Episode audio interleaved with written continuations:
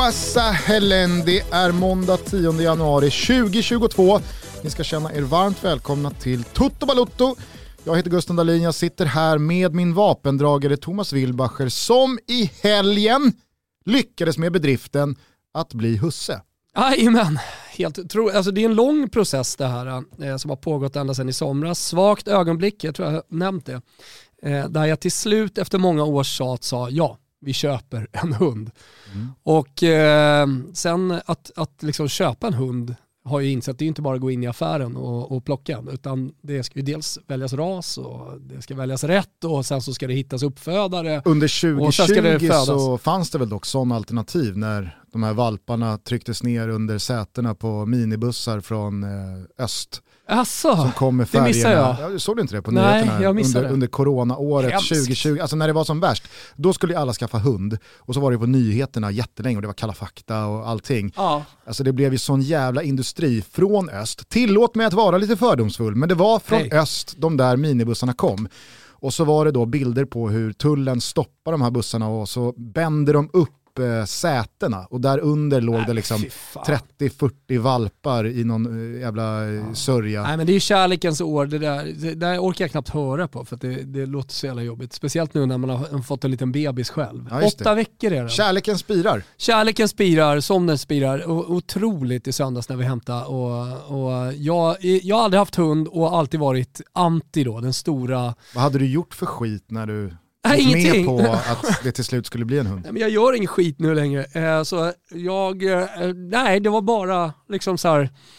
Eh, nej, men att, eh, jag, jag, jag ville, ville stärka familjen ytterligare. Jag tänkte att en hund är nog bra på det. På tal om Ville, det hette ju, och jag säger hette, för jag räknar med att er gamla Kanin, kanin. Ville inte är i livet. Nej, nej. nej. Hur, eh, hur gick han? Alltså höll ju på att bli tagen av räven. På riktigt alltså. Ja. Eh, Vi hade ju en räv som strök där hela tiden. Eh, Men eh, Men hur gick han bort? eh, eh, vi, vi åkte in med den. Ja, det, det var alla möjliga olika sjukdomar, de får ju det till slut. Sådär. Vi Okej. tog hand om det. Men sen, Så eh, han är på de evigt gröna ängarna nu. Ja, han är på de evigt gröna änglarna. Vad heter Rest hunden då? peace. Eh, Loka. Luka? Yes. Okej. Efter Disney-filmen eh, Loka så var barnen, vi hade precis sett den när vi bestämde oss då. Men eh, det finns ingen Tony? Nej, inget, inget tål. Det är barnen som har bestämt att den ska heta Luca. Var, jag sa så här, vi, vi satt och kollade på den och då säger de i Disney-filmen Silenzio Bruno, säger de många gånger. Alla som har sett den här Disney-filmen vet vad jag pratar om. Eh, men eh, de ville inte att den skulle heta Bruno. Då sa jag, men då kan ni säga Silenzio Luca till, eh, till hunden. För det betyder tyst, om den håller på och skäller och har sig. Ja. Och på den vägen var det och så blev det, blev det Luca. Så det var du som bestämde ändå? Det, det var mitt förslag, men de tyckte att, nej det var barnens förslag. Eh, att, eh, att döpa den. Men eh, mitt, mitt godtycke Ja. var ju att då kan ni säga Silen, då kan ni prata italienska med kan ni säga Silenzio Luca istället. Bruno heter väl David Neves eh, son? Ja, det, knappa året. Alltså, och, Men jag det, är- och det säger jag för att jag bara vill referera till kanske hela eh, poddåret 2021 års bästa stund när Patrik Skoglund då, David Neves radarpartner i Travpodden, Mm. någon gång i augusti, september typ, säger när de har med en travtränare som, jag, jag, jag tror att det är Sandra Eriksson som är med i, i eh, Travpodden i det tillfället. Men då pratar de i alla fall om svårigheten att få ihop travtränaryrket med också att ha små barn. Eh, och då ska Skoglund då referera till att eh, ja, men, eh, David har också eh, fått barn här och så säger han, hur gammal är Bruno nu? Tre eller? Och då har alltså Bruno fötts i mars och det här är i augusti. Och Neves blir så jävla stött av att Skoglund inte har bättre koll på att han har en fem månaders bebis och inte en tre år gammal son. ja, bra, bra Det var segment. väldigt, väldigt roligt eh, segment. Åtta veckor kan du signa, 8 november tror jag att eh, Luca föddes. Okej, Mm. Underbart. Eh, vill du ha dig ett svep? För jag misstänker att du har haft både eh, promenader och eh, avföring att ta hand om och no. en del annat på schemat den här helgen. Så ja, fakt, du, du faktum är ju att eh, söndagen, det var ju bara ligga, de sov ju mycket valparna så vi bara ligga i soffan och, chilla. Så jag, jag, såg i stort sett allt som går att ses på, på dubbla skärmar och, och allt vad det var. Så, vet du vad, vi gör ju den här podcasten för våra lyssnare och de vill mm. definitivt ha ett uh, guggesvep. Yes, vissla igång Kimpa. Ja men även fast det inte känns så, så puttrar faktiskt Bundesliga på på andra sidan havet om man tar båten rätt ut från Trellehulla. Det är tomma läktare, lagen byter poäng med varandra och det är ganska så jävla jättejämnt bakom den absoluta toppen. Bayern förlorade förvisso hemma mot Gladbach i fredags och Dortmund lyckades utnyttja detta genom att plocka tre pinnar på de regerande mästarna genom att bortaslå Eintracht Frankfurt. Men där bakom är det inte mer än 13 poäng mellan Champions League-plats placerade Freiburg och nedflyttningsplats placerade Armina Bielefeld. Är det här superettan eller? Ja, ja. I eh, skytteligan så visar i alla fall Patrik Schick obehagligt god form med sina 17 gjorda och 9 bara på de fem senaste. Måtte den där lilla tjeckiska kaminen svalna till slutet av mars, annars vet det fan alltså. Från det bortglömda Tyskland till stormens öga, det covid-paradoxala samhället nummer uno, the UK. Första riktiga helgen i januari betyder alltid FA-cupens tredje omgång och även fast omikron härjar fritt där borta på öarna så fanns det inget som kunde stoppa the cup även detta år. Niva rapporterade att Cambridge eh, reste med 4800 till Newcastle, Leeds tog med sig 9000 till London, Chesterfield skakade fram 6000 till sitt bortafölje till Stamford Bridge och lilla Shrewsbury Town tog med sig 5600 man till Anfield. Där fick de se Cade Gordon kvittera på passning från Connor Bradley. Varför är det här speciellt då? Jo, det här var nämligen det första Liverpool-mål som gjordes där målskytten och passningsläggaren hade en gemensam totalålder som inte nådde upp i James Milners dito. En liten nugget för finsmakarna. En del eh, krampaktiga segrar med roterade lag för många av elefanterna, men eh, ingen fa Cup-runda utan några rejäla jävla magplask också. Arsenal lyckades ryka borta mot Nottingham och det är väl vad det är, men att Newcastle i det läget de befinner sig i som klubb lyckas bränna hemma mot Cambridge United, hemmahörande på undre halvan i League One, var nog det sista Bin Salman behövde se. Inte blev det bättre av att Saint Maximan, Fraser, Shelby, Joel Linton, nyförvärvet Kieran Trippier, Cher och Dubravka alla fanns i startelvan. Så någon rotation går heller inte att peka på. Öppet köp, är det bytesrätt? Ah, man har inte mycket till övers för bin Salman men nog fan ömmar man ändå lite, lite för honom i detta övertagande av Newcastle ändå. Vi tar oss till Spanien, för eh, där hoppade Don Carlito Ancelottis vita maränger upp på segerkusen igen efter två mållösa insatser mot i tur och ordning Cadiz och Getafe. Registret spelades ut hemma mot Valencia och återigen var det stor show från firma Benzema och Vinicius när trean bärgades med 4-1. Sevilla gjorde dock sitt där bakom och vann efter uddamålsseger signerad Rafa Mir. Min gubbe Rafa Mir mot Getafe och nog fan ska det ändå kunna bli lite nerv där bakom. Getingboet som är kampen om såväl Champions som Europa League-platserna där bakom dock, att där är det ett getingbo som nog ingen kan se klart i. Real Betis tappade återigen poäng, men det kanske inte är så konstigt eftersom man mötte Rayo Vallecano på Vallecas. Där är nämligen de rödvita fortfarande obesegrade i La Liga den här säsongen. Otroligt säger jag. Real Sociedad tog första ligasegern sedan 7 november hemma mot Celta, men för oss svenskar var det smolk i bägaren. Lördagspilsnen sattes i fel strupe när Alexander Isak gick ner med vikt fot. Det såg ordentligt obehagligt ut, men rapporterna talar om tre veckor och Janne behöver nog inte oroa sig inför Tjeckien-matchen. Barca med kryss mot Granada, Villarreal och Atleti med delad pott på El Madrigal och Bilbao med ännu en gnetapinne. Jag säger Bilbao, jag säger inte Atletic, det blir så ibland. Getingbo sa Bill, ormgrop sa Bull. Vi avslutar i Serie A där det återigen bedrevs en full omgång. Fyra dagar senare så var tydligen i alla skick att spela. Hälsomyndigheter och legan och småpåvar och Vatikanen var helt plötsligt överens och fotbollen kunde spelas precis överallt. TIC va? Och vilken helg det blev. Atalanta gjorde sex i slakten av Udinese på Dacia. Milan stängde ner Venezia och Zlatan gjorde mål redan efter två minuter. Framspelad av den nya stora frälsaren Rafael Leao. Och kapten Theo Hernandez Oj, oj, oj, där snackar vi uppvarvning. Inter besegrade Lazio på Giuseppe Meazza, förvisso bara med 2-1, men sett till 95 minuters fotboll så var det siffror som var i underkant. Inte var bra, inte var riktigt, riktigt bra, inte var tunga. Bastoni visade klass och Simone Inzaghi har satt sin prägel på en riktigt, riktigt imponerande segermaskin. Omgångens match var dock den mellan Roma och Juventus, för vi var många som trodde att det äntligen skulle få bli tre tunga, viktiga, efterlängtade och välförtjänta poäng mot ett storlag igen, när Lorenzo Pellegrini med lagkapten kaptensbinden på armen vred in en frispark bakom Chesney på bästa vintage Totti-vis framför självaste Francesco Totti. Men man borde ha lärt sig. Man borde ha lärt sig något av dessa 20, snart 21 år av konstant motgös i plytet. Något fågelskit ligger alltid och väntar på att landa i ögat på en. På 10 minuter vände den gamla damen på steken, Kulusevski gjorde ett av målen och hux flux stod det 3-4 på tavlan. De Ligt hansade fram en straff för kvittering, men visst visste man hela vägen. Ner i genitalierna att Pellegrini skulle missa. Ja, det gjorde man. Förlust, José Mourinho med supersågen av truppens mentala hälsa och ännu en käftsmäll modell grövre. Vi ångar på. Ja men det gör vi ju sannerligen. Roma, kul eh, att vi kan börja i den änden. Eh, det var en otrolig match såklart, eh, jag vet inte om alla såg den men, men alltså det blir ju så mycket landar så mycket på Mourinho tycker jag i en sån match. Även om det är spelarna och han själv har väl börjat liksom mer och mer landa i att det är spelarnas fel. Allt som oftast när man förlorar matcher och sådär. Men, men jag tyckte mig se en slags ängslighet hela tiden i Mourinho eh, under hela matchen. Alltså, även om de ledde med 3-1 och han var glad och sådär så kände han att det här är inte över.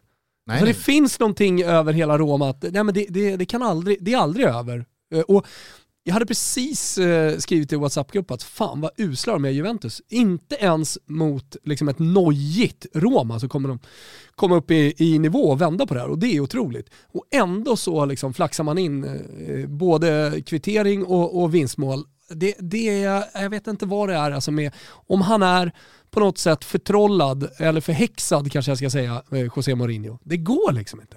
Alltså jag tror nog att det går, men eh, allting sammantaget just nu är ju för dåligt. Jag, jag, alltså så här, det, det, här började ju redan efter den där bortasmällen mot Bode Glimt.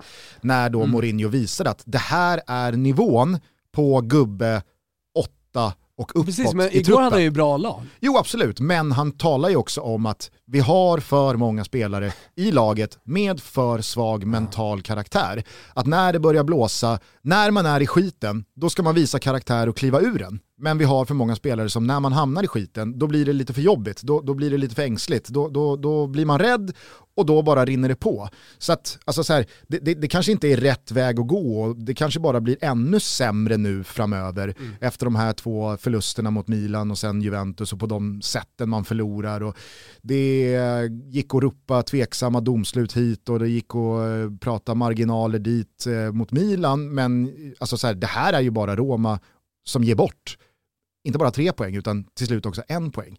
Men jag måste säga någonting om Pellegrinis straff. jag kan att... tänka mig, jag missade studion, men jag kan tänka mig att ni rullade bilderna när han, Chesney sitter på ett knä och räddar den. Mm, men alltså, framförallt så pågår ju den här andra halvleken under hela införstudion av årspremiären av Fotbollssöndag Europa igår. Ja. Så jag sitter ju mitt emot en stor skärm i sändning och ser Roma gå från ledning 3-1 till underläge 3-4 och jag försöker Lilla liksom, varhoppet där på Kulusevskis eh, mål. Jag, menar, jag försöker liksom prata Gerard Morenos dagsform med Adam Pintorp inför Villarreals match eh, mot Atletico Madrid.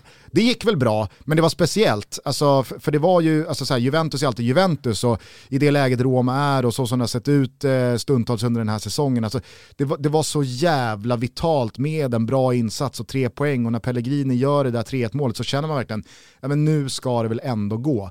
Och att sitta då i realtid parallellt med att liksom bedriva en sändning som programledare och se Roma braka ihop sådär och sen på det få straffen för i alla fall en kvittering. Och då finns det ju minuter kvar. Jag menar 4-4 mm. där, så tror jag ändå att det är Roma som går för... 100%. Alltså det, är, det är utvisad och det finns 10 minuter att vifta på. Juventus då, har ju liksom Parma Kulusevski som eh, kan kontra. Mm. Alltså, ja. jag, jag, tänkte på det när han fick bollen i något läge och vinner en, eh, ett inkast långt upp i banan. bolltransportören. Precis, ja, bolltransportören. Det, det var det han gjorde i Parma hela tiden. Exakt. Nej, men, eh, då är jag helt säker på att Roma hade gått för femman och, och, och segern igen. Men det jag skulle säga om den här straffen, och det, det är inte riktat bara mot Pellegrini, men jag är så jävla trött på den här liksom stopp hoppsatsstraffen som utförs på det där sättet. Jag sa det i studion igår också, att när man missar en straff på det där sättet, mm. då visar man ju alla som tittar på att jag kan inte slå den här straffen.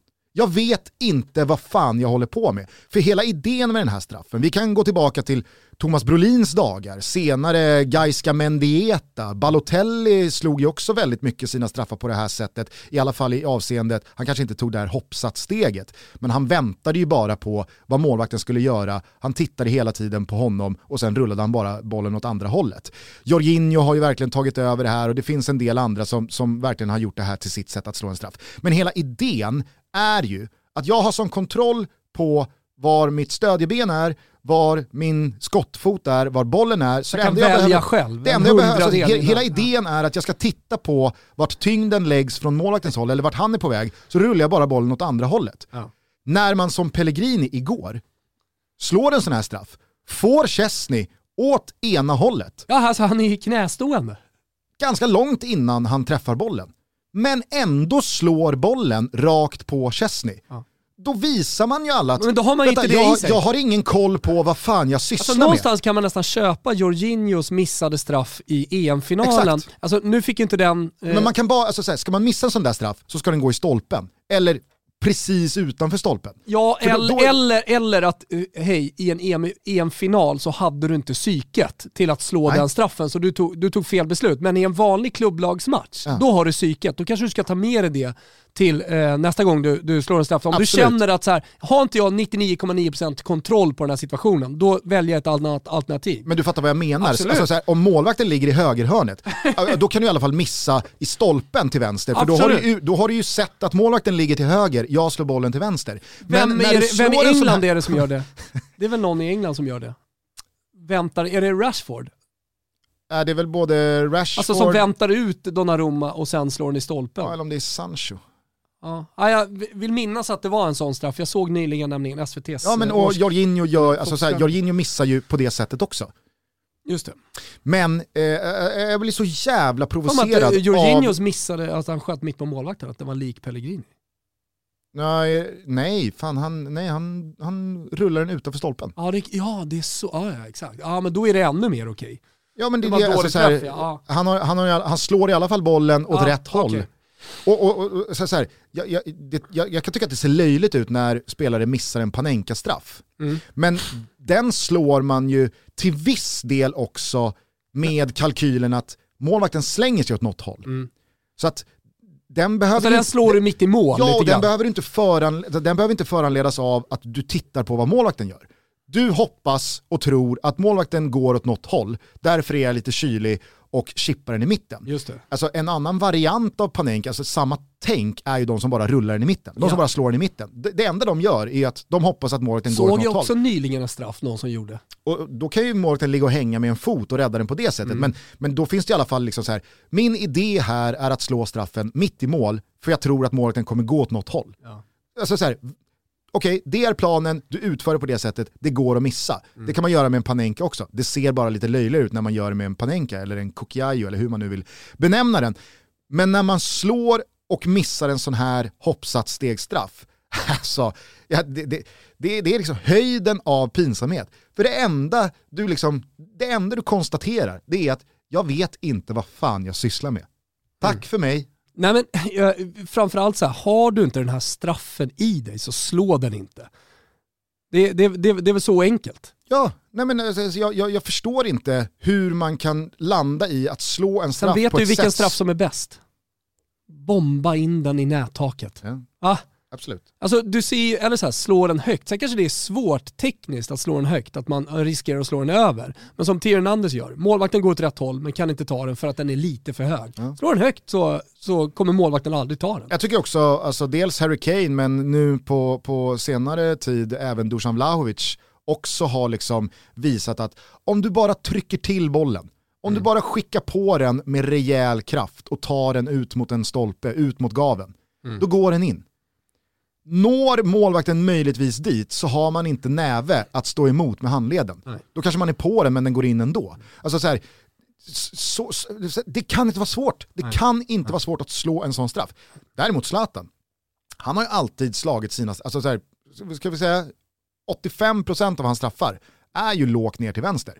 Men han har alltid slagit dem så pass hårt att de går in under målvakten eller med touch eller många gånger bara liksom rätt in precis vid, vid, vid gaven, vid stolproten, in i nätet för att han skickar på den så hårt.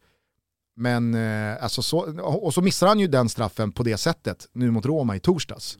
Och så blir det ju straff mot Venezia igår. Frankesi är på Afcon så att eh, jag, jag trodde i alla fall, sett till läget som var i matchen, alltså Milan leder med 2-0, de får i samband med straffen en man utvisad. Så att Milan kommer, det finns ingen... Det finns vinner ing- matchen. De kommer vinna matchen, det finns ingenting att riskera. Ja men jaga bort det där spöket direkt av Zlatan. Ja. Ta bollen, Ja, Det är ett bra läge.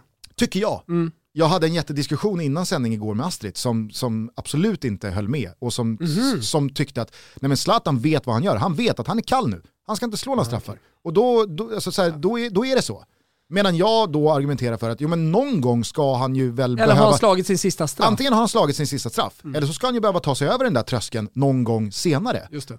Och jag tror att för varje vecka, månad som går så blir den där tröskeln högre. Mm. Jag tror att det blir en jobbigare mental spärr att slå den där straffen om tre månader Mm. än att slå den nu direkt mot Venezia fyra dagar senare i en match som redan är vunnen. Mm. Tryck in den då så, så vet ju han att, så ja, så. För det är väl det, alltså, så här, jag har sett Wayne Rooney i de här lägena, Francesco Totti hade också eh, en eh, period där jag tror han missade fyra eller fem raka straffar. Mm. Jag menar, han, han, han sköt ju dem tills den satt igen. Och när den väl satt, ja men då var ju det spöket borta. Mm. Men när då Zlatan liksom, jag, jag, jag, jag vet inte om du, om du håller med mig, men det syntes nästan lite på bilderna som att så här, du ska, du ska alltså inte ta den.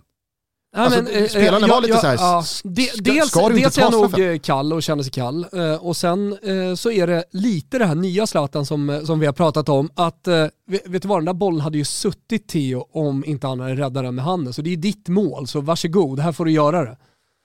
Så är du med? Att, att, att det finns någonting i den här nya sympatiska eh, pappa-Zlatan ute på planen eh, som, ja men det, det är ditt mål, här varsågod. Jo men du ser Raka in skiten. Ja, men det som föranleder då returen ut till Theo Hernandez, Är ju Zlatan. fast det är inte, alltså, du, du ser att det är inget avslut. Nej, det, Det är någon jävla är en blindpassning. Det är en blindpassning för han tänker, nej jag trycker väl inte den här i taket. Nej. Jag, jag sätter in Bulgarien den på... borta och så vidare, rätt upp i närmsta klykan. Alltså kom tillbaks Zlatan. ja. Alltså jag, jag trodde i tio års tid att jag ville ha en mer liksom sympatisk, polerad, lagkamrat-Zlatan. Nej. Men jag vill tycker, inte- jag, vill tycker inte- första inte- halvtimmen dock i den här matchen, jag var på väg att mässa dig, för att första halvtimmen är han väldigt liksom, besviken på sina lagkamrater igen och gestikulerar, får inte tillbaka passningarna. Sälemäkers, han åker på den så jävla mycket. Fast det, alltså det pratade jag med Astrid om också igår. Han sa det, han noterade det om det var mot eh, Roma. Mm. Att till och med, alltså nu börjar spelare som Sälemäkers Ja. ta sig ton mot Zlatan. Ja. Vifta med Inte- armar inte mot och vi, eh, visa inte mot med- Venezia. Nej men alltså så här, det börjar gå neråt i hierarkin i Milan på spelare Ja. som liksom visar med gester och kroppsspråk mot Zlatan att så här, vad är det som händer? Och, och, eh, så här, jag, jag, jag sitter framför tvn och känner bara liksom så här, eh, jag tar det till personligt. Jag vill inte se... Det, Men det, det, där har du hela överlämningen av straffen, är ju de, den nya Zlatan. Som Ja, du inte tycker om. och om vi nu ska prata i lejontermer, som man så många gånger gör när det kommer till Zlatan. Lejonpappan. Ja men är inte det, alltså så här, är inte det i, i liksom lejondjurets natur att eh, hannen, ledaren av flocken, till slut börjar utmanas av de yngre och blir bortstött ur flocken. Och får, det, det, det, det, är hela, liksom, det, är Ja, det ja, hela savannen-grejen handlar om. Ja, ja, att när lejonhannen inser att nu är inte jag längre herre på täppan här, Nej. då lämnar ju han flocken själv. Och, då, och så blir han liksom så här, du vet, narig i huden och eh, tofsig och tovig i pälsen och mager och man börjar se revbenen och ja, men det blir liksom så här scar-looken snarare än Mufasa-looken. Jag vet inte om det, om det är det det vi ser nu? För att jag, jag, jag, jag tycker att det, Som sagt, jag, tyckte, är jag tyckte se mig, Jag tycker liksom att det den är gamla Zlatan en hel del mot Venezia. Förutom då när den här straffen, som kanske blir mest symboliskt då för hans uppträdande på planen och eh, då talar för att det, det är en ny Zlatan, det är en, det är en betydligt mer eh, sympatisk och, och mysig eh, gubbe. Antingen så har han liksom självmant överlagt valt att aktivt liksom lämna aset Zlatan bakom sig Ja. och bli någon annan. Eller så har det skett naturligt. Oavsett vad, bring back aset alltså. Ja. Jag, vill, jag vill ha den gamla goda Det osympatiska var ju Zlatan. snart ett år sedan han skulle boxas med eh, Romelu Lukaku. Det fick ju dock, eh, alltså för Zlatans egen del, det, det, det vart ju eh, Sanremo-festival och Go do your dålig- voodoo shit. Exakt, go do your. Det, det var ju någon slags vändning egentligen på hela Milans säsong. Då, där brakade Inter om och allting föll för Milan. Jag vet inte om det där ligger kvar någonstans. Var det där, var det där gamla Zlatan dog? Jag har, inte sett, jag har inte sett honom sedan dess. Nej, får se. Det, ska, det kommer ju en del heta matcher där han definitivt kommer vilja vara huvudperson. Vi får se på vilket sätt han kommer För det vara. här var väl strax innan han gjorde comeback i landslaget. Ja, exakt. Och grät på presskonferensen ja, och började liksom brösta fram passningar. Och... Ja. Ja, vi får se. Eh, Jag tror så här, vi får se de tuffa matcherna. Har väl Juventus om eh, två, eh, om två omgångar. Ja. Ja. Där kommer vi få se om det är den nya Zlatan eller om det fortfarande finns Det är ett chansen. lejon som leder flocken att locka fram här Det nu. är sista chansen. Det är sista chansen mot Är han Juventus. Scar eller är han Ja. fortfarande Mufasa? Ja, vi får se. Vi får se. Eh, jag ska säga det dock eh, bara här. Eh, jag noterade i mitt huvud att du pratade om Rafa Mir som din gubbe. Ja. Är det lite ensam cirkus på honom om man vill va? Nej. Jo! Nej. Alltså det är ju inte någon uh, Alain Saint-Maximin jag, tänk, direkt. jag tänkte på det igår nämligen när jag såg eh, Petagna. Eh, han körde ju någon egen ensam Puskas cirkus. Award är avgjort. Det var ju kul för att det, alltså det är ju Jo, den... man hade ju några räder, det är Jo, de jag pratade om. jo, Så när han absolut, stack men- iväg jo, och men liksom uppehöll hela försvaret. Det var så Men roligt. hans alltså. mål är ju den estetiskt fulaste bicykletan som har lett till mål man någonsin sett. Han blir förvånad själv. Och det roligaste, i, det det roligaste i kråksången är ju att det här är ju Petagnas snyggaste mål i karriären. Ja. Det vet man ju. Mm. Men det är en så jävla ful och ograciös cykelspark Ja. som det bara kan bli. Men ja, vad, vad, vad, vad, tänkte du på menar du? Nej, du, det, det kändes som att du hade någonting att säga. Det kändes som att du... Med du Rafa vill- Mir? Ja, med Rafamir. Nå, men alltså, jag, jag är ju Jag fascinerad. gillar honom jättemycket också. Ja, nej, jag men jag är ju fascinerad över hur Luis Enrique formerar sin offensiv i det spanska landslaget. Mm. Alltså när Raúl de Tomas startar mot Sverige, Mm. man, fatt, man fattar ju liksom ingenting.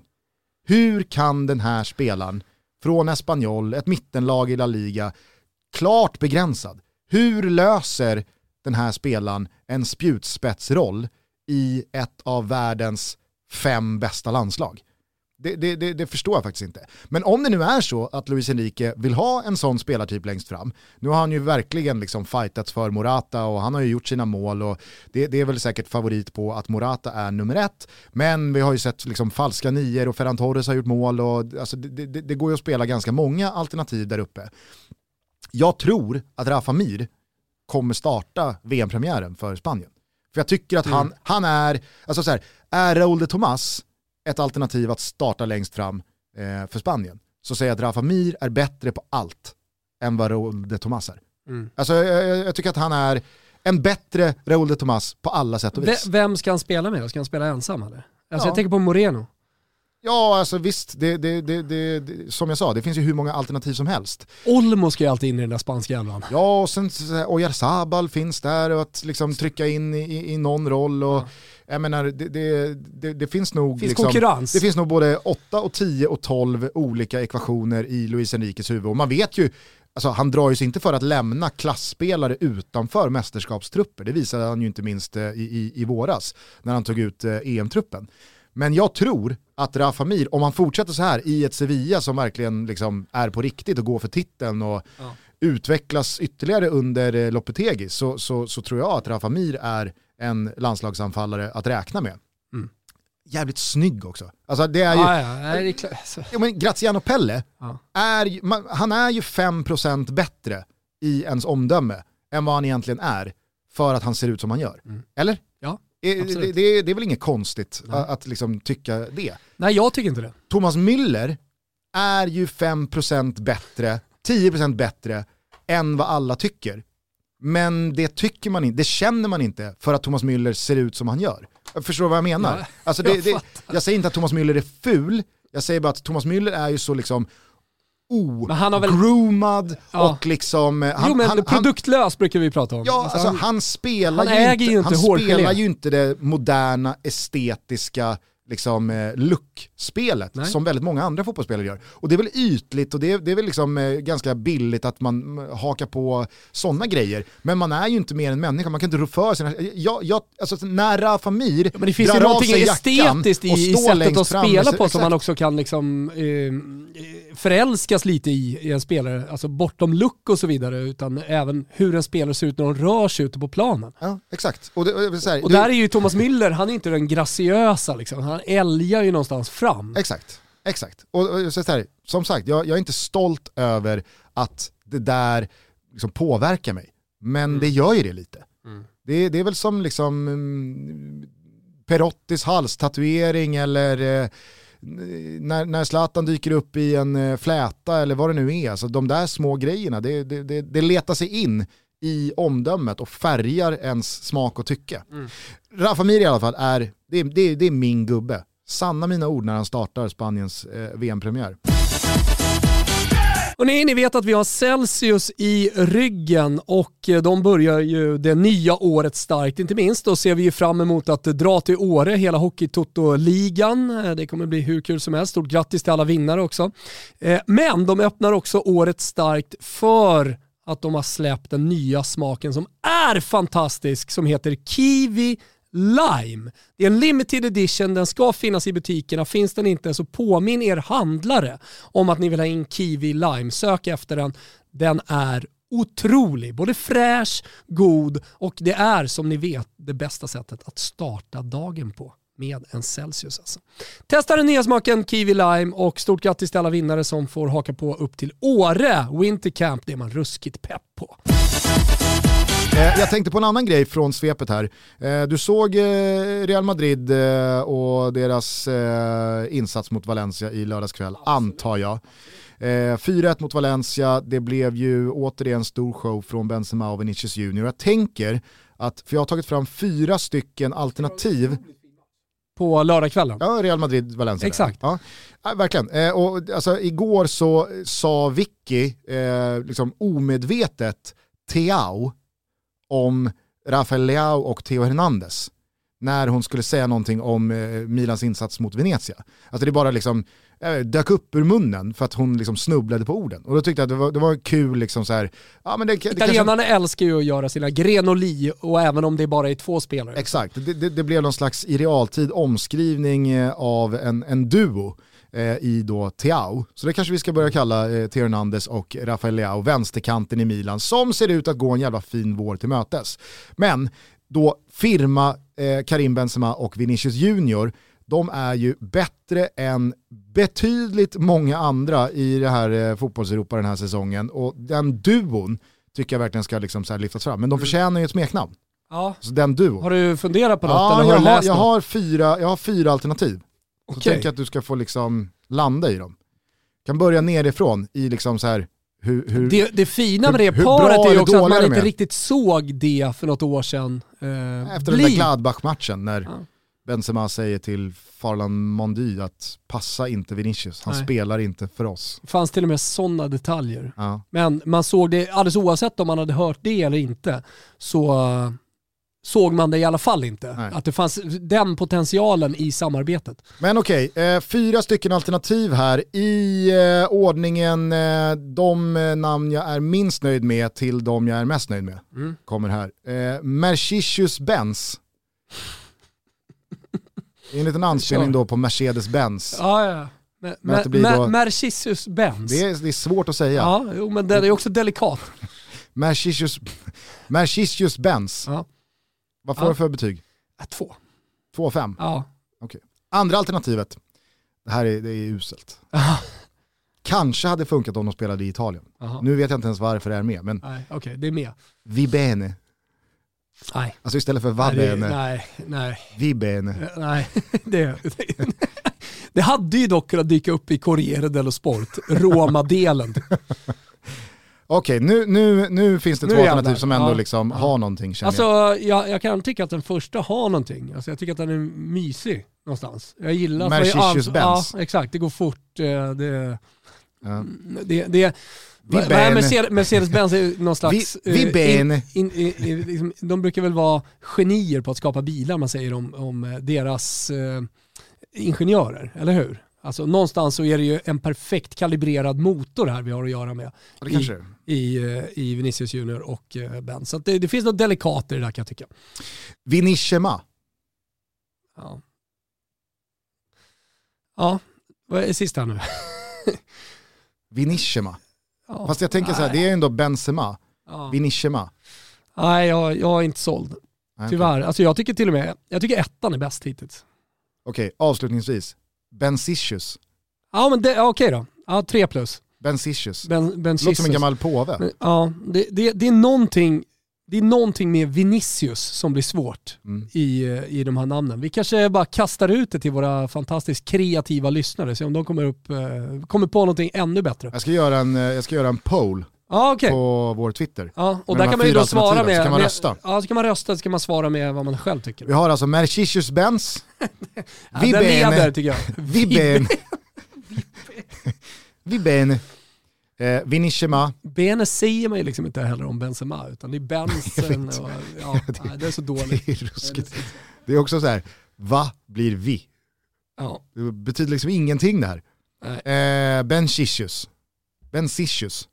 Benzicius. Mm. Ah, ah, vad fan. Har du det kanske inte blir någonting. In? Vill du ha eller? Ja. Ja, förutom att det är nya restriktioner och sånt, men det har jag ingen koll på och vet heller inte vad det, vad- vad, det betyder. Jag såg krogar ska stänga 23 eller någonting sånt där. Men eh, Justin på Federico Chiesa. Mm. Och han, eh, det hände ju någonting igår. ACL. Yes. Nej. Främre korsband. Är inte ACL anterior, alltså bakre? Nej, nej jag vet inte. Men det är korsband i alla fall. Eh, att- bekräftat att- officiella Jag tror att säsongen. ACL är väl, alltså så här, det är korsband. Så som vi pratar om korsband. Mm. Så finns det främre och så finns det Ja, bakre. ja, okej. Mm. Eh, ser man ju hela tiden, så att, eh, det, det är eh, eh, främre korsband tror jag, eh, vänster ben och eh, säsongen över för honom. Det var ju eh, någonting vidrigt med eh, de inzoomade bilderna igår Mm. eh, och närbilderna när det liksom, man såg att det smällde till och att det inte var kraft. Det är så konstigt med korsband. Det var ju inte i liksom, eh, när, när det blev en smäll, någon slags våld på det som, som det small av. Jag kan det också, bara exakt. flög av. Det fanns ingen kontakt i någon Nej. tackling eller sådär. Och jag kan också tycka att det, det är påfallande ofta när det kommer till korsbandsskador är det andra benet Ja. från vad det ser ut från början. Eh, Man tänker att det är högerbenet på Kesa som Där sitter. skiter det sig. Ja. Nej, det var det andra knät som gick. Nej, det, var, det, var, det var riktigt äckligt och man såg ju på hans halt, Mm. alltså hur långsamt det gick. Att det finns, liksom, det, det, det finns ingenting som talar för att det här är liksom någonting man skakar av sig eller eh, kör lite kylspray på eller Han Ja, men försökte re- re- ju ovanligt länge va? Jo men det, det, alltså så, här, så kan det ju vara med korsbandsskador. Alltså, jag menar, när, när vanligt folk drar korsbandet. Min, kus, Zlatan knallade väl efter sin ja, ja, skada. men, alltså, min, min kusin, eh, som jag spelade paddel med, Ja. eh, seriespel för ett och ett halvt år sedan. Han drog ju sitt korsband. Och då fick vi ju liksom, eh, från Federico Chiesa till min kusin i padden. Det var den säsongen som rök. Men sen så var det liksom så här, men några månader senare så, så frågade jag, ja, men hur har det gått med allt? Operationen? Nej, inte gjort någonting. Nej men, eh, Kör på. ja. Så att liksom så här, tre, fyra månader senare så spelade han padel igen. Vad fan hände med korsbandet då? Nej, det, det, det är väl av. ja. Nej men det, det är väl så om man inte är, men du, du kan ju inte vara elitidrottsman och köra utan. Nej, jag menar bara att Ja. alltså så här, jag har ju sett spelare även på högsta nivå Mm. dra korsbandet, men liksom typ försöka två, tre minuter, Mm. gå av själva. Det, alltså det, det, det, det är inte samma effekt som när du liksom knäcker skenbenet, att nu, nu är det över. In med båren. Mm. Alltså klassiska bilder när Stefan Schwarz drar hälsenan. Går av för Går egen för maskin. Spinazzola förresten, på tal om eh, hälsenor? Ska inte han Han i tillbaka runt jul? Han, Han är i är i, i Ingruppo eller? Ja, jag vet inte fan, jag tror inte det är Nej, nej, det är där man jobbar liksom. Ja. Som, eh, är han frälsaren då kanske? Eller är det Maitland Niles som är frälsaren? Maitland Ja, Niles. fick ganska dåligt betyg. Ja, det var, Eh, I var sådär Trusty de la Salernitana, Justin, alltså på tal om Justin, eh, d- de eh, har nu gjort officiellt eh, att eh, de har tagit över någon slags fond här nu, tagit över. Och vilken klubben. jävla start för den fonden. Eller hur? Tung trea på Bente Gård igår. Ja, det kanske var lite eh, uppsluppet Ja. och, och lugnt och fint. Men eh, tillbaks till Kesa då. Jävla hård smäll för både honom och Juventus, men också för Roberto Mancini och de regerande Europamästarna. Med tanke på att de ska in i ett playoff med Portugal på andra sidan. Och ser man till menar, offensiven, Insigne haltade av igår eh, också. En spelare som eh, har kritat på för Toronto i, i MLS och som jag inte tror har liksom samma alltså, motivation kanske är liksom orättvist mot Insigne, men nu fattar du. Alltså, ja. så här, det finns ju någonting i det beslutet och i den här våren efter också att han har varit med och bärgat ett mästerskapsguld som jag tror kommer innebära att ja, men det, det, det är nog inte samma slagstyrka. Ciro Immobile, han hade ju under hela turneringen sina bekymmer. Belotti, eh, vad har han haft för säsong hittills? Alltså med Kesa out då, eh, då, då står man helt plötsligt med Sassuolo-gänget. Mm. det, det, kan, det bli, kan det bli två tredjedelar Sassuolo i eh, frontlinjen? Ja, nej, men alltså det, det, är ju- det, är ju- det var kanske dit jag ville komma någonstans Berardi med ensam-cirkusen eh, Petagna. Att det, det, Ska Petagna in? Ja, men, jag, jag, jag, jag, liksom med, med hela Napoli, när Osimhen inte är med, eh, att de, de känns otroligt veka på bredden. Vi pratar om Romas bredd och att eh, Mourinho har, har varit missnöjd med. Alltså, när, när Petagna kör ensam cirkus, då, nu, nu avgjorde han så det är fel match eh, någonstans att, eh, att, att klanka ner på Petagna. Mm. Men det är som vit vara. Ja, ja. Herregud. Han får ju liksom eh, Cornelius och eh, se ut som en balettdansös. Mm. Men, eh, alltså återigen, jag, jag, jag, jag, jag kan bara tänka mig vilka jävla smällar det här blir för både Juventus och det italienska landslaget. Den enda som på något sätt har fått en förändrad aktie åt ett positivt håll, det är väl Dejan Kulusevski. Som kommer in då igår, gjorde väl ingen vidare inhopp eh, till en början, men sen kvitterar han och är med i den här vändningen. Alltså nu förändras väl allting här. Mm. Eh, sett till att det är eh, januari, transferfönstret är öppet och det har pratats väldigt mycket om England och att han på något sätt ska lämna Juventus. Nu, nu kan det väl inte bli så? Nej, det, jag, alltså jag kan inte se det på något annat sätt. Sen var det ju eh, flera som skrev till mig igår när jag sa liksom, nu blir Kulusevski key, att eh, ja, men det, det är väl Bernadeschi som ska in där. Eh, men däremot så öppnar det sig möjligheter nu ju såklart, för han kanske inte blir key Kulusevski, men däremot så definitivt kan man in, han kom ju in igår för Kesa väl?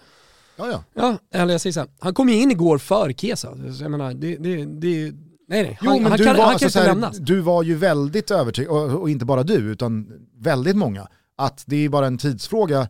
Alltså Kulusevski kommer Nej, men han lämna behöver ju speltid och jag tror någonstans Hans, hans dagar var det räknade. Ja, absolut, och det var de.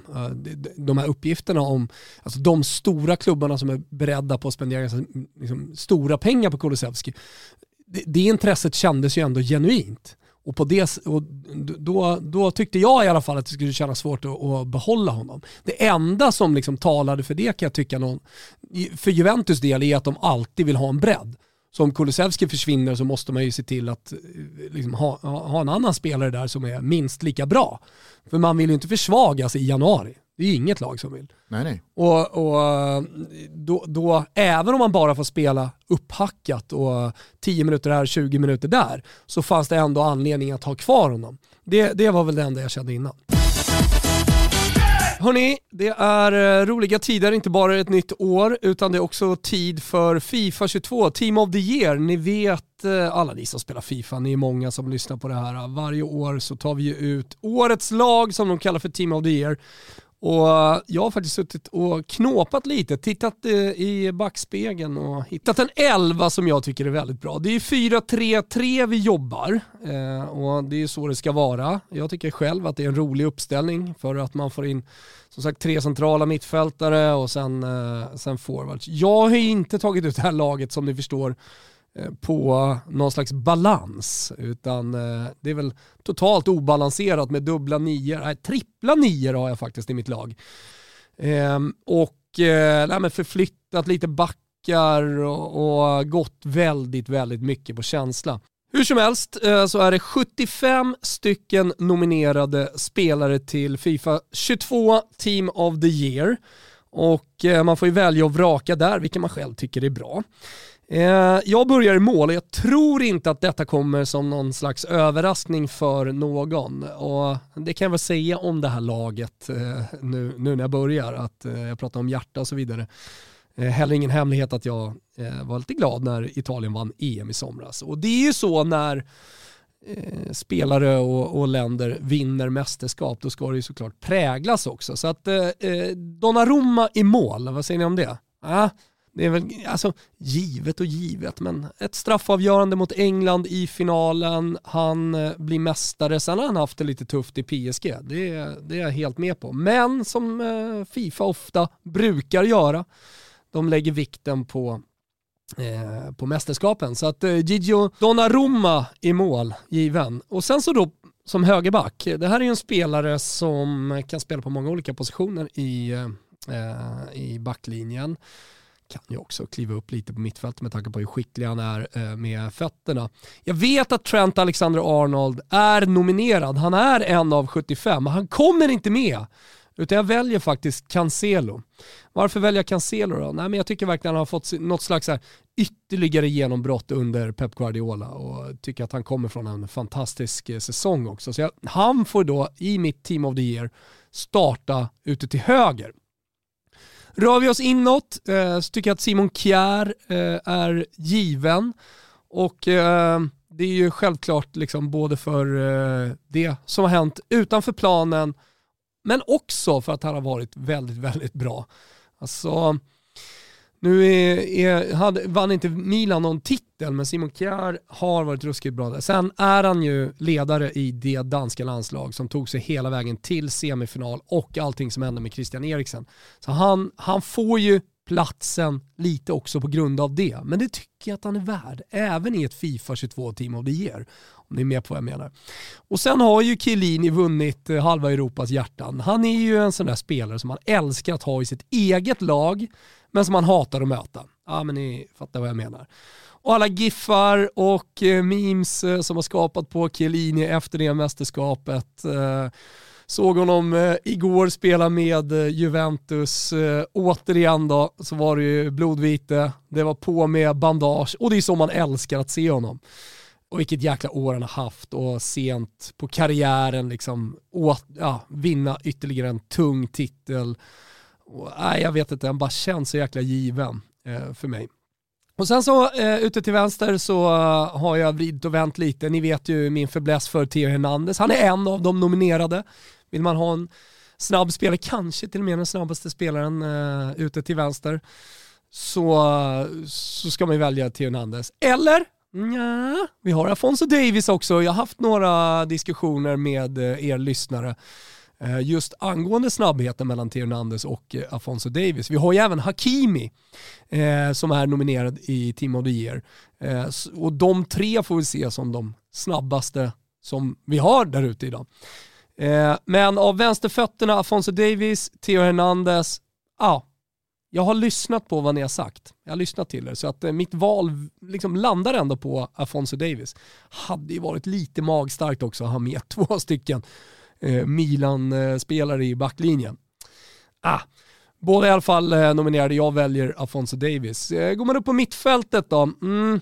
Eh, Jorginho, eh, fantastiskt år med eh, Chelsea, blev ju nyckelspelare direkt för Thomas Tuchel när han kom in.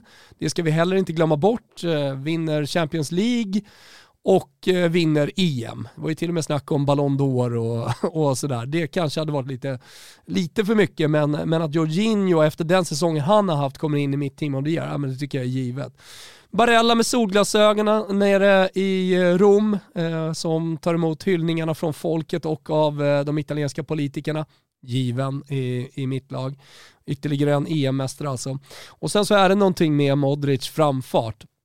Uh, alltså framfart, men hans säsong, sättet han, han förnyar inte sig själv men han håller en kontinuitet som, med, med, med klass och eh, kvalitet som uh, stort sett ingen annan gör. Uh, och när jag börjar fundera på hans säsong och titta tillbaka på det här året, mm, jag tycker, jag tycker nästan att eh, liksom, ja, det, det, jag, jag har svårt att välja, välja bort eh, Modric i alla fall. Uh, och sen är det återigen liksom vad man själv tycker. Han faller uh, väldigt väl in i min smak vad jag tycker att en central mittfältare liksom ska vara. Hur blir det balanserat där då?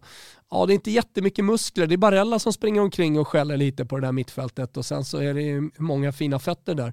Men uh, mm, Jorginho, Barella, Modric Gärna av er vad ni, vad ni tycker. Och sen då hittar vi fram och här eh, i, bland de nominerade ska jag säga eh, hittar vi ju Leo Messi, vi hittar Kylian Mbappé, eh, vi hittar Romelu Lukaku som alla vet gjorde det jättebra i eh, Inter eh, men som haft det kanske lite tyngre då i Chelsea, Mohamed Salah, han ska väl typ vara given, eh, kan väl kan, kan väl många tycka. Eh, jättefin höst framförallt. Eh, vi har Paille där bland eh, de nominerade. Vi har Tadic, vi har Jonathan David. Eh, inga av dem kommer med. Cristiano Ronaldo, nej, han kommer heller inte med. Eh, det är väl kanske ingen skräll då. då. Ser för övrigt att eh, Jude Bellingham kommer in som nominerad på mittfältet. Ah, ja. Vlahovic. Mm. Alltså ska jag välja ut tre spelare, både med hjärta borta och sett till hur deras säsonger har varit, ja, då är ju Dusan Vlahovic given. Han leder nu skytteligan i Serie A efter en fantastisk eh, höst. Han har varit med och tagit Serbien till ett eh, väldigt efterlängtat eh, VM. Han eh, avslutade säsongen starkt också, eller han var bra under, under våret. Eh, han har vuxit ut eh, till den näst dyraste unga nian där ute bakom Håland. Och eh, kollar man bara på kalenderåret så har han bara eh, Robert Lewandowski framför sig. Eh, så mm, jag tror inte att världen riktigt har greppat hur bra Dusan Vlahovic är. Eh, jag får många frågor från Arsenal-supportrar, från, från andra kring Dusan Vlahovic, eh, vad han är för spelartyp och sådär. Och han är, det han framförallt har utvecklats är det ju eh, liksom hans hunger för mål, hans målfarlighet, hans boxspel, han bara smäller in dem. Men också det felvända spelet. Så att bortom alla dessa mål som han har gjort så har han blivit en mycket, mycket bättre fotbollsspelare och han har fått en aura ute på planen. Som, han syns. Kollar man på en Fiorentina-match idag så, ja men Dusan Vlahovic, han är väldigt mycket. Eh, vi har pratat om i Toto Balotto om eh, en eh, ensam cirkus där uppe på topp. Dusan Vlahovic kan faktiskt eh, presentera och utföra sin egen lilla ensam cirkus också. Och det tycker jag säger ganska mycket om den här unga spelaren. Så att eh, Vlahovic var inte svår direkt eh, för mig att eh, få in i det här laget. Jaha, eh, då, då, då, blir det ju lite så här. Eh, Håland, Lewandowski, Messi. Sala välja bort och eh, det är ju tyvärr då för eh, Liverpools, eller för, för, att Liverpool då, eh, var lite för dåliga förra säsongen om man ska väga in allt här. Lewandowski given, måste han vara. Och eh, när han inte fick eh, utnämningen Ballon d'Or, ja men då kommer han i alla fall med i min Team of the Year. Så att eh, Robert Lewandowski kommer in. Sen är det då Erling Braut Haaland eller Leo Messi. Nej, jag är ledsen alla norrmän, alla baggar där ute, men det blir Leo, Leo Messi som kommer före Haaland. Eh, så egentligen så tänker jag så här att Haaland eh, stryker med på grund av Vlahovic. Två unga nior, eh, förmodligen Haaland eh, liksom snäppet bättre idag. Men skadorna på hösten, för, eh, kanske, om jag, om jag ska försöka vara lite rimlig liksom ändå i den här analysen, skadorna på hösten förstörde det för honom. Vlahovic har varit för bra, men egentligen så är det bara mitt lila hjärta som liksom talar här. Och då får vi då eh, en eh, elva bland alla dessa nominerade, oavsett om ni väljer Oblak i mål eller Emiliano Martinez eller eh, Edouard Mendy eller eh, Courtois, Maignan och så vidare. Eh, så är i alla fall min målvakt i Fifa 22 Team of the Year, Donnarumma. Vi har en backlinje från höger, Cancelo, Chiellini, Kjär, Afonso Davis. Och sen då eh, det här otroligt fina mittfältet med Jorginho, Barella, Modric. Och sen då som sagt på topp Vlahovic, Messi, Lewandowski. Mm. Ganska mysigt eh, lag, tycker jag. Ni går såklart också in och eh, gör er egen elva. Eh, vi har länkar ute på våra sociala medier och så, eh, när man röstar på sina spelare. Så får vi väl se då hur eh, Fifa 22 Team of the Year blir när eh, alla har varit inne och eh, nominerat. Hör gärna av er på sociala medier också och se vad ni tycker om, om min elva. Kanske jag har gått bort med någonstans, jag har ingen aning, men det är hjärta, passion och eh, lite, lite tanke också i eh, mitt Team of the Year. På tal om januari och eh, silly season så händer det ju en del grejer. Eh, de riktigt stora övergångarna lyser lite med sin frånvaro. Ferran Torres till Barca har vi redan benämnt och eh, Coutinho till Aston Villa och Kieran Trippier till Newcastle var vi på förra veckan. Men om vi blickar i vår navel här och gräver lite där vi står och pratar allsvenskan mm. så tycker jag att det, det börjar bubbla rejält. Djurgården landade ju till slut efter många om och men. Viktor mm. Edvardsen. Ja firade kontraktet eh, med en riktig brakskiva på Brillo. Ja, Rasim Reis och hela ligan va? Nej, det såg ut att vara rejält drag under galoscherna. Eson Betting var där och så vidare. Så, så, så var det verkligen. Ja. Eh, och jag tycker att man, eh, alltså nu, nu, låter man ju lite som en papegoja, men återigen, fan hatten av till Bosse alltså. Mm. Som han kör nu, för inte bara landar han Viktor Edvardsen, utan att på det fylla på med kontraktsförlängningar på Jakob Widell Zetterström i mål, förlänga kontraktet med Rasmus Schüller, förlänga kontraktet med Mange Eriksson. Alltså, jag, jag, jag tycker att eh, Djurgården rustar på ett jävla intressant och bra sätt.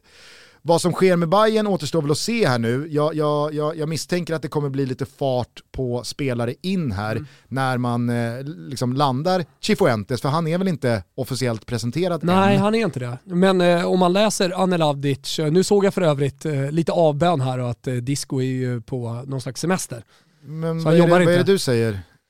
Eh, silly seasons never sleeps, ja, är det det du vill ha?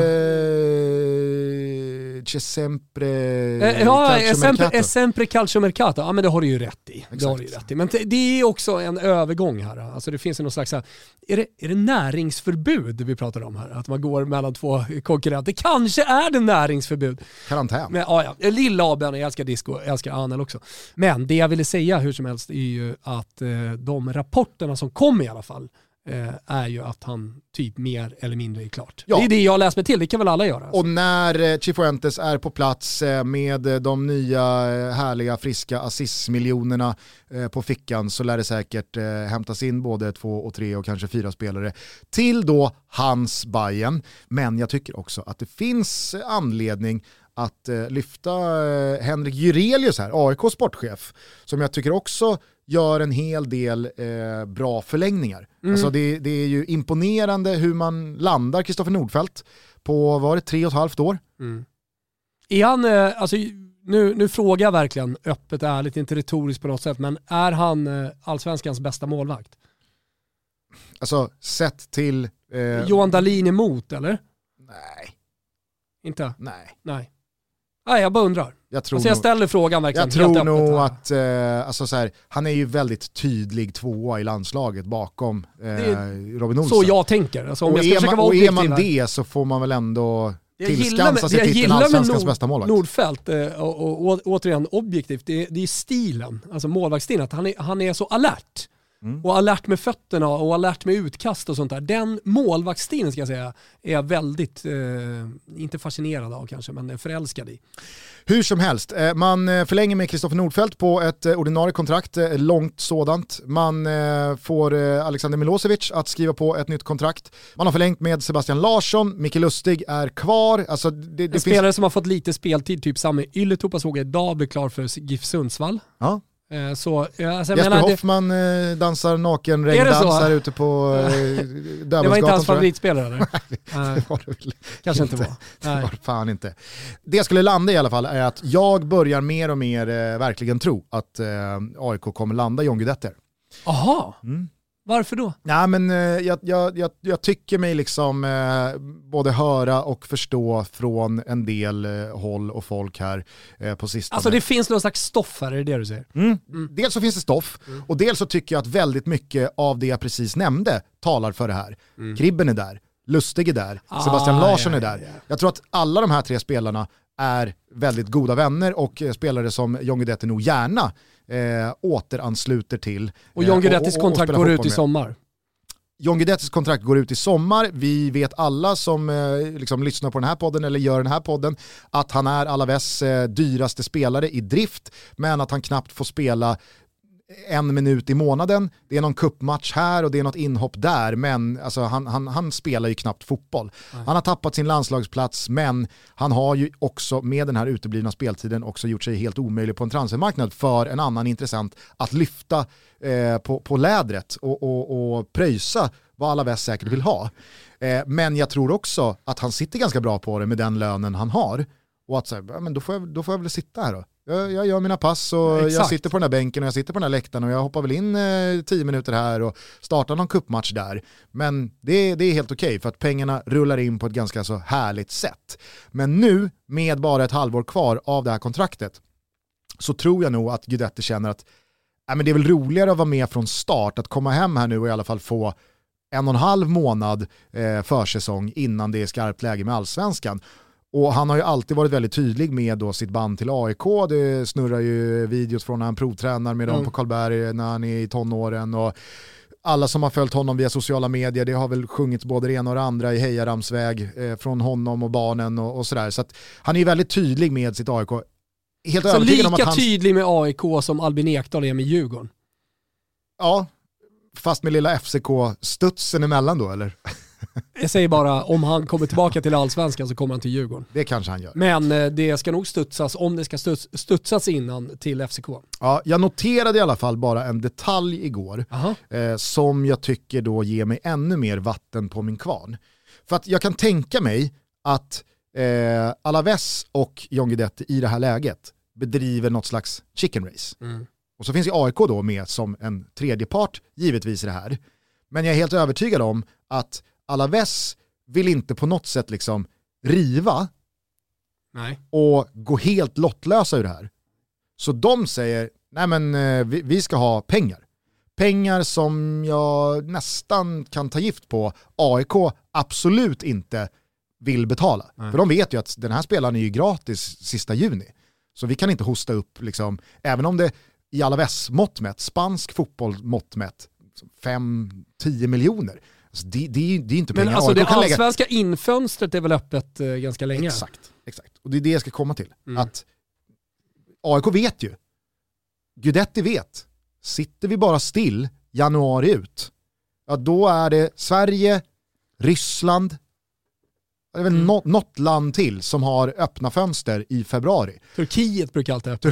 Turkiet, Men, all, 16 februari. Turkiet har alltid någon jävla köksdörr. Ja. Eh, men alltså då, då försämras ju Alaves eh, position i det här än mer. Så de vet att okej, okay, ja, men då får vi sänka, för nu finns, nu finns det bara de här länderna kvar. Och Guidetti vill väl bara, jag tror att han bara vill gå till AIK i det här läget. Mm. Men då noterade jag igår att Sanna Guidetti skickar ut via sina sociala medier att vi trivs bra här jag är inte redo att åka hem. Vi ska vara kvar. Och det är jag helt övertygad om är en liksom eh, strategiskt placerad pusselbit i det här. Att man även från liksom partnerhåll i sociala medier, det är 2022, det är så här den moderna fotbollen ser ut. Att då de visar upp att nej men vi sitter bra på det här vi ska ingenstans. För att då liksom... Jag älskar den nya, eh, alltså, nya konspiratoriska Gusten 2022. Ja, alltså, det, det, det, det, du, har, du har många pussel i ditt huvud som du lägger vet samtidigt. Du vad, vet, du vad jag fått höra? På tal om det, alltså ja. jag, jag, misstänker att du refererar tillbaka då till eh, förra veckan.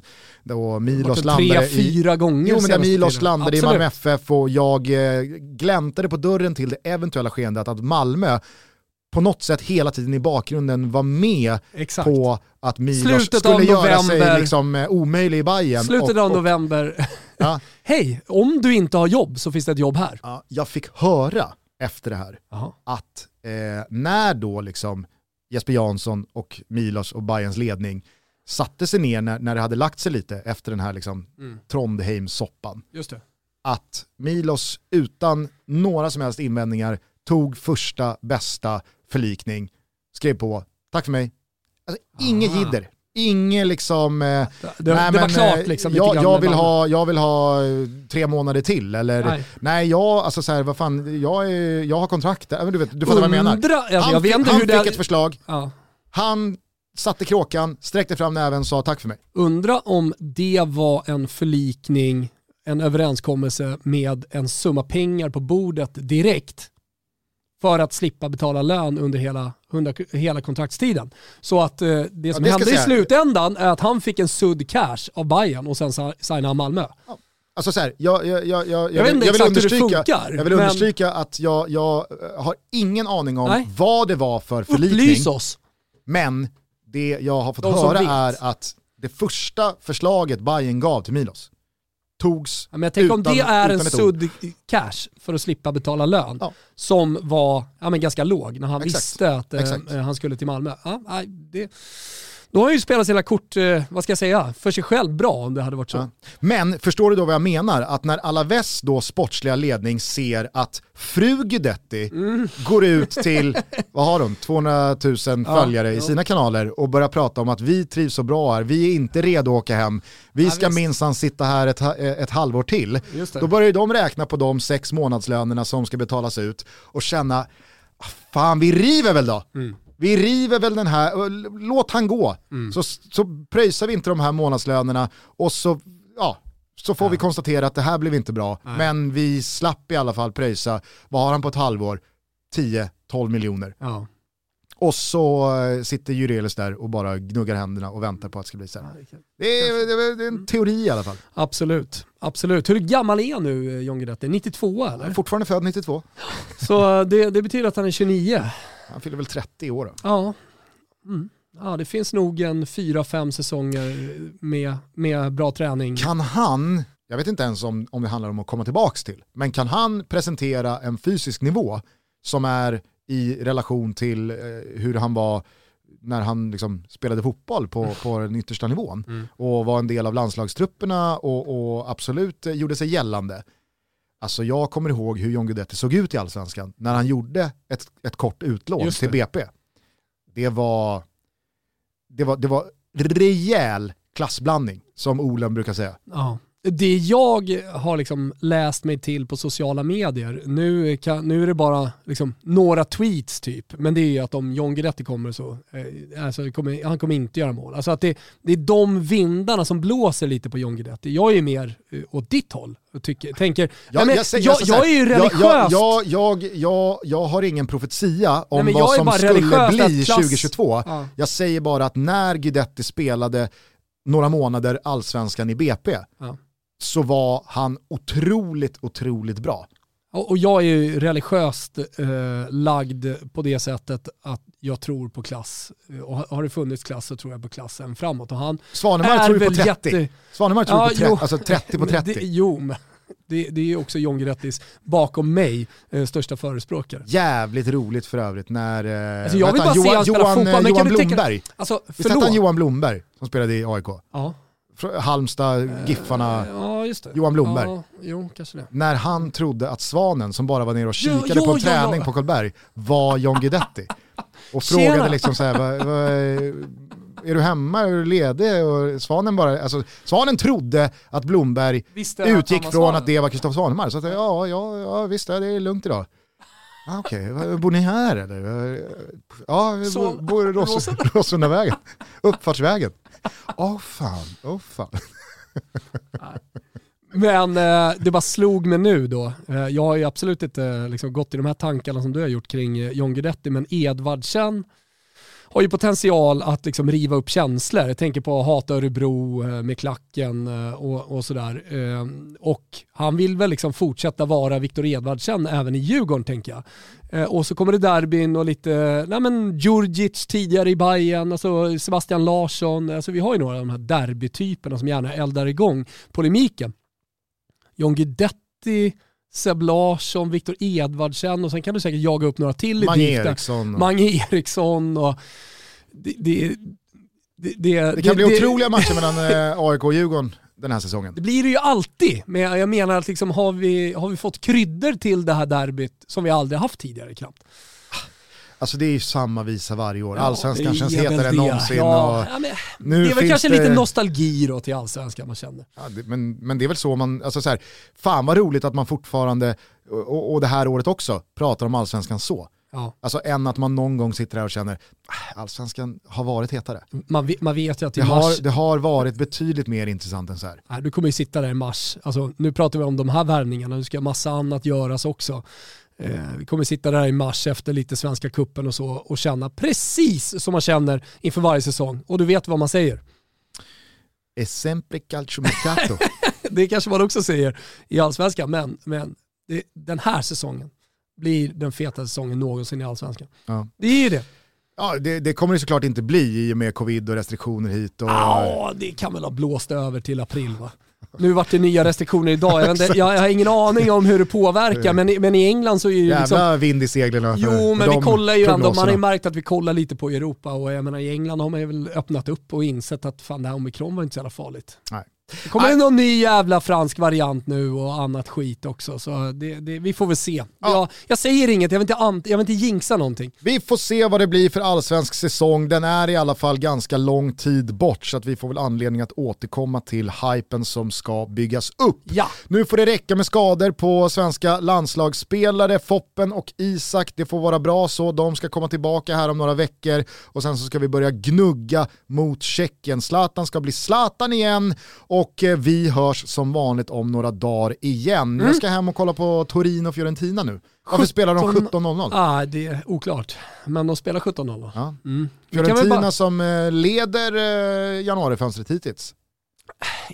Jag, jag kan väl tycka någonstans att, som jag skrev också, så low key anfallstrion är ju sexy. Och om man nu ska jämföra med andra low key anfallstrios, jag vet inte hur low key den är, men ganska i alla fall. Nico Gonzales har väl inte fått något världsgenombrott. det får man verkligen Nej, säga. Och Ikone har inte heller fått det. Nej. Nej, men Dusan Vlahovic har ja. fått det.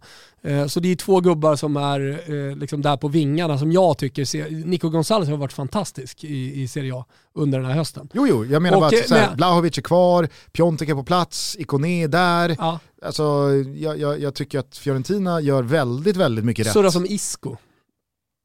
Det hatar du inte. Nej, det gör jag inte. Sen tror jag inte att det kommer bli någonting, men eh, nej jag hatar det inte. Nej. Hörni, eh, tack för att ni lyssnar. Vi hörs igen om några dagar. Ta hand om varandra och glöm inte att vara snälla mot varandra. Och då kommer jag också passa på att spendera sina vinstpengar från Toto-trippen i helgen. Alla som var med borta på Betsson. Farsan var med. Det, det är han ju alltid på något fint till någon man tycker väldigt mycket om. Det, det är ju ett tips. Så är vi tillbaka med nya tripplar. Det går ruskigt bra nu. Travtoto sitter, Toto-tripplarna senaste månaden måste ju vara en eh, otrolig ROI. Eh, också hört något slags historiskt att eh, ROI på Toto-tripplarna eh, faktiskt är eh, eh jäkligt bra. Så vi fortsätter att ösa på, vi fortsätter att analysera och ta Toto-tripplarna på högsta allvar. Betsson.com är det som gäller. Och man ska vara 18 år fylld och har man problem med spel så är det stödlinjen.se som gäller. Nu avslutar vi det här avsnittet Gustav.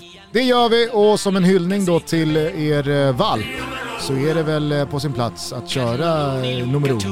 Ah, det är det. Bra. Kör. Ciao tutti. Ciao tutti. Bella donna, mamma mia, alimenti ciao, Roma, Roma, Ribéry, amore mio.